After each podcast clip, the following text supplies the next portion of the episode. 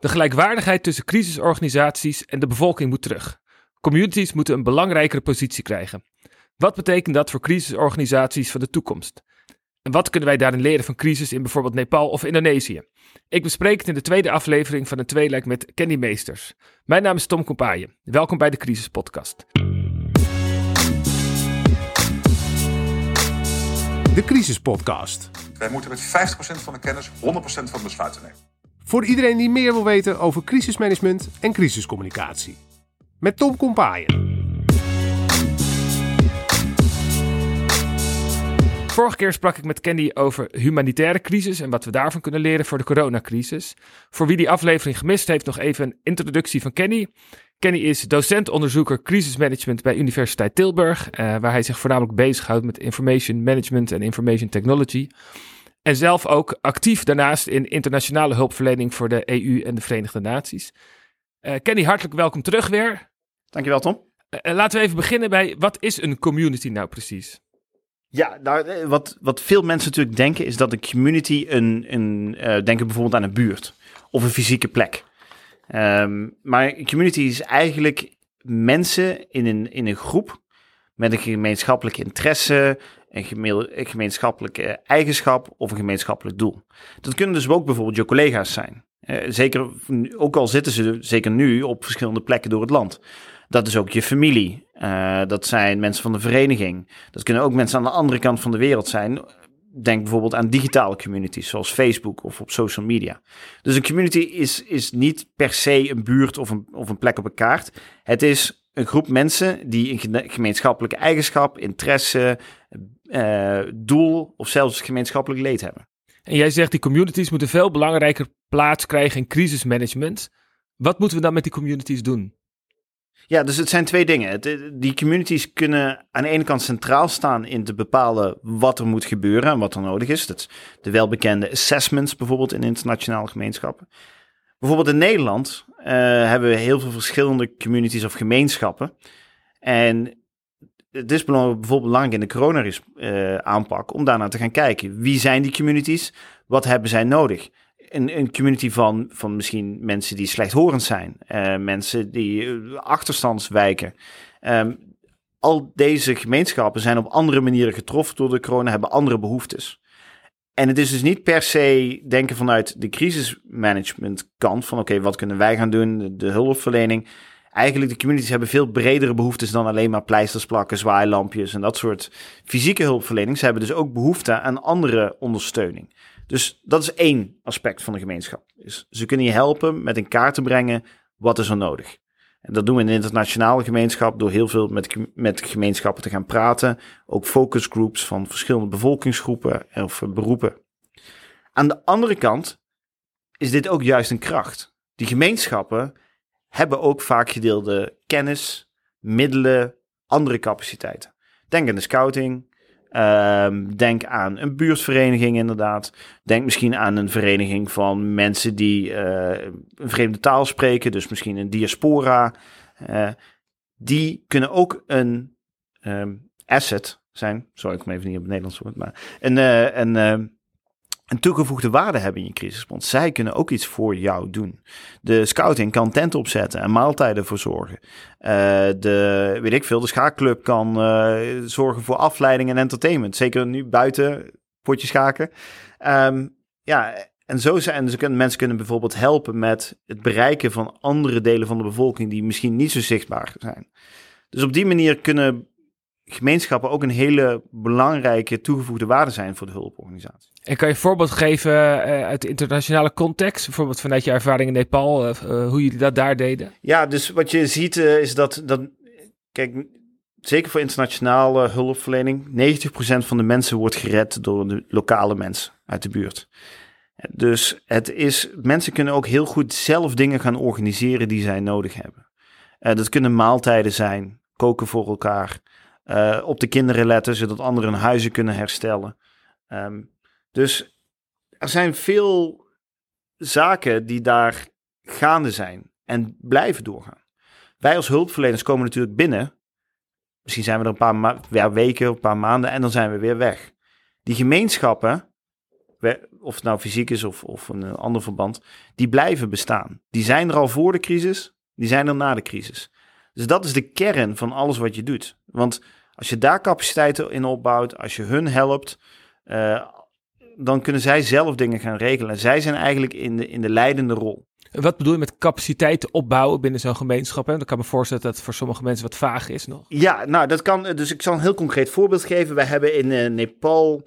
ehm, eh, ik was daar in een, in een dorp en normaal, normaal gebeurde dat internationale organisaties zoals het Rode Kruis of de Verenigde Naties binnenkomen en die gaan dan assessments doen. Die gaan dan eh, in kaart brengen wat zijn de behoeftes van mensen. En dan vaak, als ze niet goed opletten met de coördinatie, kan het gebeuren dat het Rode Kruis vandaag komt en morgen komt het World Food Program en de dag daarna komt, eh, weet ik veel, Caritas. Ehm, nou, dus heb ik eigenlijk gezegd, die, die gemeenschap had best een goed overzicht al van wie daar woont. Of ze oud of jong zijn, of ze kinderen hebben. Nou, dat zat eigenlijk al in hun klein kantoortje, hadden ze dat al bij. Alleen natuurlijk niet digitaal en in een Nepalees. Toen heb ik eigenlijk gezegd, wat als we jullie nu eens helpen om dat te digitaliseren en ehm, eh, ook vertaald te maken, of in ieder geval visueel. Eh, dus hebben we iemand van het lokale internetcafé gezocht, een jongen die wat, die wat handig leek met computers. We hebben samen met hem heb ik een, een database gebouwd. En vervolgens hebben ze al die gegevens erin gezet. En wat daarna gebeurde is, dus iedere hulporganisatie die daarna kwam, ja, we willen een assessment. Toen zei die gemeenschap, oh, dat hoeft niet. Wij hebben die gegevens, je kunt met ons praten. En in één keer gingen zij van, oh, wij zijn de hulpbehoevende en kom vooral assessment doen, naar een soort gelijkwaardige partner die meedoet met de coördinatie, die waardevolle informatie te delen heeft en een gelijkwaardige gesprekspartner is voor de hulporganisaties. En die capaciteiten, die hebben ze ook bij de volgende crisis. Dat is heel mooi inderdaad, ja. Dus je leert eigenlijk, heb je gewoon in de community, in de gemeenschap, heb je gewoon een IM'er neergezet. Die eigenlijk het laatste stukje maakt van de vertaalslag naar wat zij al weten, naar eh, wat de, ja, eigenlijk de hulporganisaties willen weten. Ja, precies. En eigenlijk breng, breng- brengen ze daar ook voor zichzelf mee in kaart van, oké, waar hebben wij behoefte aan? Wat zijn onze grootste problemen?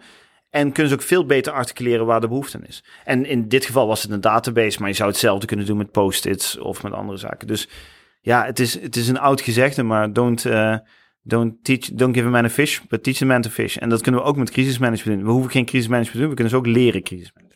Jullie hebben het ook in Indonesië toegepast, eh, eh, weet ik. Kan je daar wat over vertellen? Ja, dus in Indonesië en in veel Zuid-Aziatische landen zijn ehm, gemeenschappen veel gestructureerder. En hier heb ik het dan over de fysieke gemeenschap, zoals buurt. En ehm, zo'n buurt heeft een, een dorpsoudste of een gekozen leider of vertegenwoordiger. Vaak is dat al een, wat ouder iemand. Het is niet echt een politieke aanwijzing, maar het is wel gekozen door de mensen uit de buurt.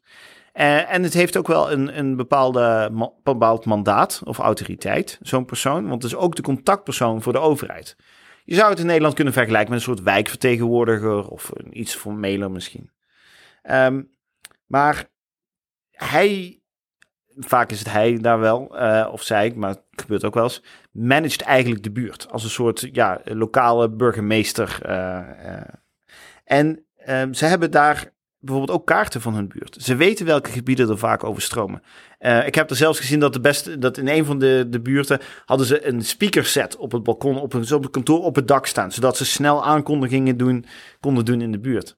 En ze hebben bijvoorbeeld ook zelf evacuatieroutes ontworpen dan. Want zij weten waar het overstroomt. Dus er zit heel veel capaciteit daar, kennis. Want ik kom daar, ik spreek geen woord van de taal. Ik ben daar nog nooit geweest. Zij wonen daar al een hele leven. Zij weten precies wat er kan gebeuren. Dus daar kunnen we op bouwen in plaats van binnen te komen en te denken... eh, nou, wij komen jullie hier eens helpen. Eh, gaan, want jullie weten niks van uh, crisis. En als we dat nou terugtrekken naar Nederland, hè, waarvan je dus ook zegt, wij moeten ook veel scherper krijgen wat de communities zijn. eh heeft ook met zelfredzaamheid te maken. Jij zou ook eigenlijk, iedereen is crisismanager. Ja, dat klopt. Ehm, nou, eh, want eh, we gaan, eigenlijk heb je het nou ook alweer gezien met, of met deze persconferentie, maar alle persconferenties, is dat iedereen in de week ervoor, en vooral na de persconferentie, in een soort, eh, ja, hoe noemen we het Nederland, Bob, eh, methodologie schiet. Van oké, wat is hier nou aangekondigd? Wat betekent dat voor mij? Wat kan ik nog? En dat, dat natuurlijk de ziekenhuizen, de veiligheidsregels, de sportscholen, maar ook als individu en ik als docent. Eh, we hadden vandaag een meeloopdag op de universiteit.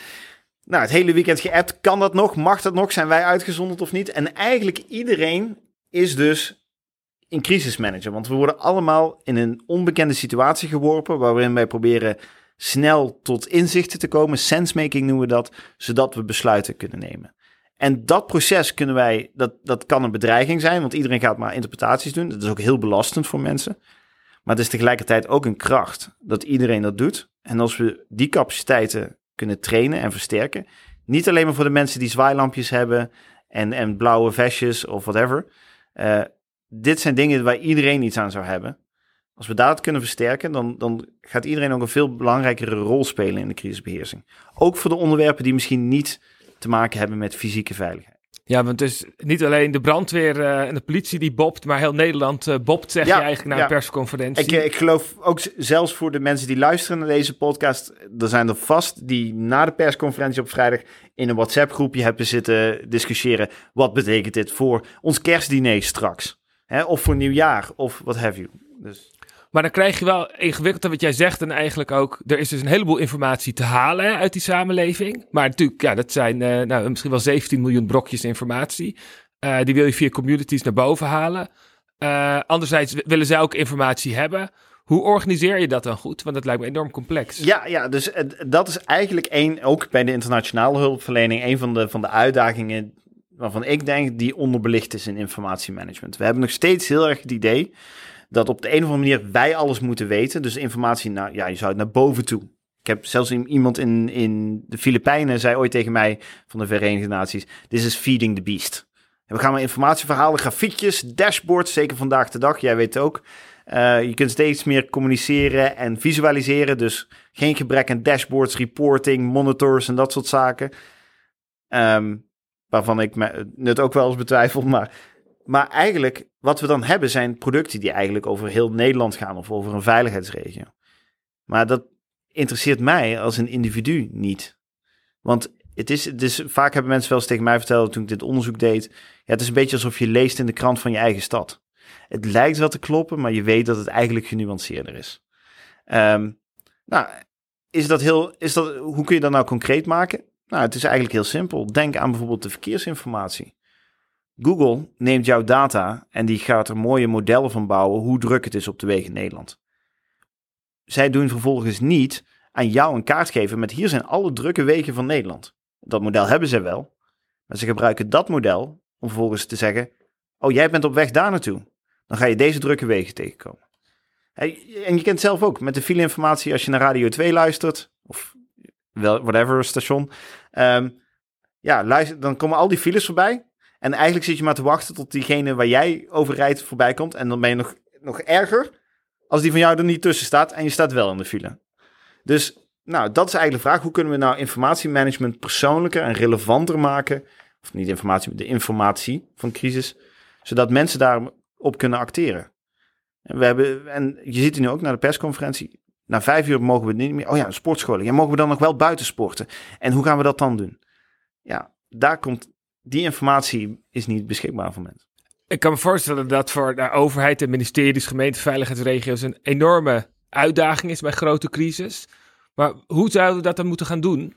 Want ik nou, vind het een heel mooi punt, maar ik zie nog niet voor me hoe ik het zou moeten gaan nou, doen. Het eerste waar je, nou, dat ben ik dan als IT-techneus, denk ik, gaan we dat technisch oplossen. Hè? Dus vul je postcode, denk aan overstroomik.nl, vul je postcode in en we gaan je vertellen wat dat voor jou betekent. Kan natuurlijk ook zijn, geef ons je eigenschappen. Misschien ben je een, uh, uh, ja, Zuid-Limburg, katholiek gezin en je wilt kerst vieren, hoe kan dat nog? Um, dus dat is één, de techniek. Maar eigenlijk kun je ook hier de gemeenschappen, de communities, een helpende, rol, helpende hand aan jou bieden. Um, zij, je kunt bij hun de vragen neerleggen en zeggen: kun jij op basis hiervan aan mensen vertellen wat ze, wat ze kunnen doen? Of kun je dat, die discussie faciliteren? Dus het hoeft echt niet te zijn dat je dat als veiligheidsregio of als overheidsdienst, dat je dat allemaal zelf moet doen. Je kan dat juist uitbesteden en in samenspraak doen met anderen. Maar ik zie dan een soort gelaagdheid voor. Want ik, ik, ik weet niet hoeveel communities er wel niet zijn. Maar misschien dat er wel 20.000 communities zijn. Misschien wel meer. Nou, die gaan niet allemaal hebben een direct lijntje naar het Nationaal Crisiscentrum en naar de NCTV. Dus daar moet een gelaagdheid in worden gebouwd. En moet die informatie ook strategisch gefilterd worden. Hoe gaan we dat doen? Ja, maar dus ik snap dat wel, maar dat is weer heel erg gedacht vanuit de, dit zijn onze structuren. Het moet naar boven toe en we moeten daarboven moeten we er iets van vinden voordat het weer terug mag. Maar je kunt ook mensen, aan, mensen gaan elkaar toch opzoeken en elkaar helpen. Dus je kunt eigenlijk ook hun als gelijkwaardige partners zien. Dat wil niet zeggen dat ze allemaal bij ieder overleg aanwezig moeten zijn, alle 17 miljoen mensen. Trouwens, als je Twitter bekijkt, gebeurt dat wel een beetje dat we met 17 miljoen mensen uh, en een paar voorop uh, besluiten aan het vormen zijn. Maar je kunt ook die, door die community, door met vertegenwoordigers van, van de gemeenschappen in gesprek te gaan, door mensen met elkaar te verbinden, uh, dat, soort, dat soort faciliteiten doen. Want het gaat bijvoorbeeld ook over onderwerpen waar een veiligheidsregio niks van zou weten. hoe mogen wij een sportschool, mag ik buiten sporten? Ja. Sportscholen, wat denken jullie? Dit zijn de regels, hoe zouden we dit kunnen doen? En dan nou, werk met hun samen. En eerlijk gezegd, dat gebeurt ook wel. Dus ik overdrijf een beetje. Alleen het heeft heel lang geduurd voordat we in die modus zaten. En dat kun je eigenlijk vanaf het begin veel beter doen. Is welke structuren zijn er, welke kennis is er, welke capaciteiten. Um, ik zal nog één snel voorbeeld geven van, ik denk in, in Indonesië. Nou, in Indonesië was inderdaad. Um, toen hebben we met een uh, Indonesië en Nepal trouwens ook. Uh, maar iedere keer als wij dingen in kaart moeten gaan brengen, uh, of assessments gaan doen, uh, dan gaan wij erop uit. Maar je kunt dat ook studenten laten doen. We moesten kaarten maken in, in Indonesië. Ja, er zit een universiteit met een hele afdeling geomatics en geographics. Nou, zij spreken de taal, zij kennen het land. Waarom zou ik dan moeten doen? Uh, natuurlijk help ik ze wel zodat het past bij wat wij nodig hebben. Vervolgens hebben we die capaciteit. En kunnen zij daarna verder met hun gemeenschappen om die, om die kaarten verder uit te bouwen en voor hun relevant te maken. Dat is bouwen op bestaande structuren in plaats van alles meteen denken van hier gaan wij over, dit moeten wij doen. Ja, en jij zei inderdaad, iedereen is dus hulpverlener of iedereen is crisismanager. En de veiligheidsregio bijvoorbeeld zou eigenlijk, uh, jij noemt dat term, een enabler moeten zijn. Hè? Die moet dat ja, hoe zou je dat vertalen? Uh, in goede banen leiden, zorgen dat het gebeurt. Ja, precies. Goede banen leiden, uh, maar ook mensen aanmoedigen. En we, zitten nog vaak te denken dat mensen een risico zijn. Dat weggemanaged moet worden of in achter hekken moet plaatsvinden of dat soort zaken. Maar de realiteit is, bij zo'n crisis als corona of een andere humanitaire-achtige crisis, dan kun je het niet meer alleen aan. Dan zul je moeten bouwen op mensen en dan zul je hun deelgenoot en mede, uh, mede moeten maken.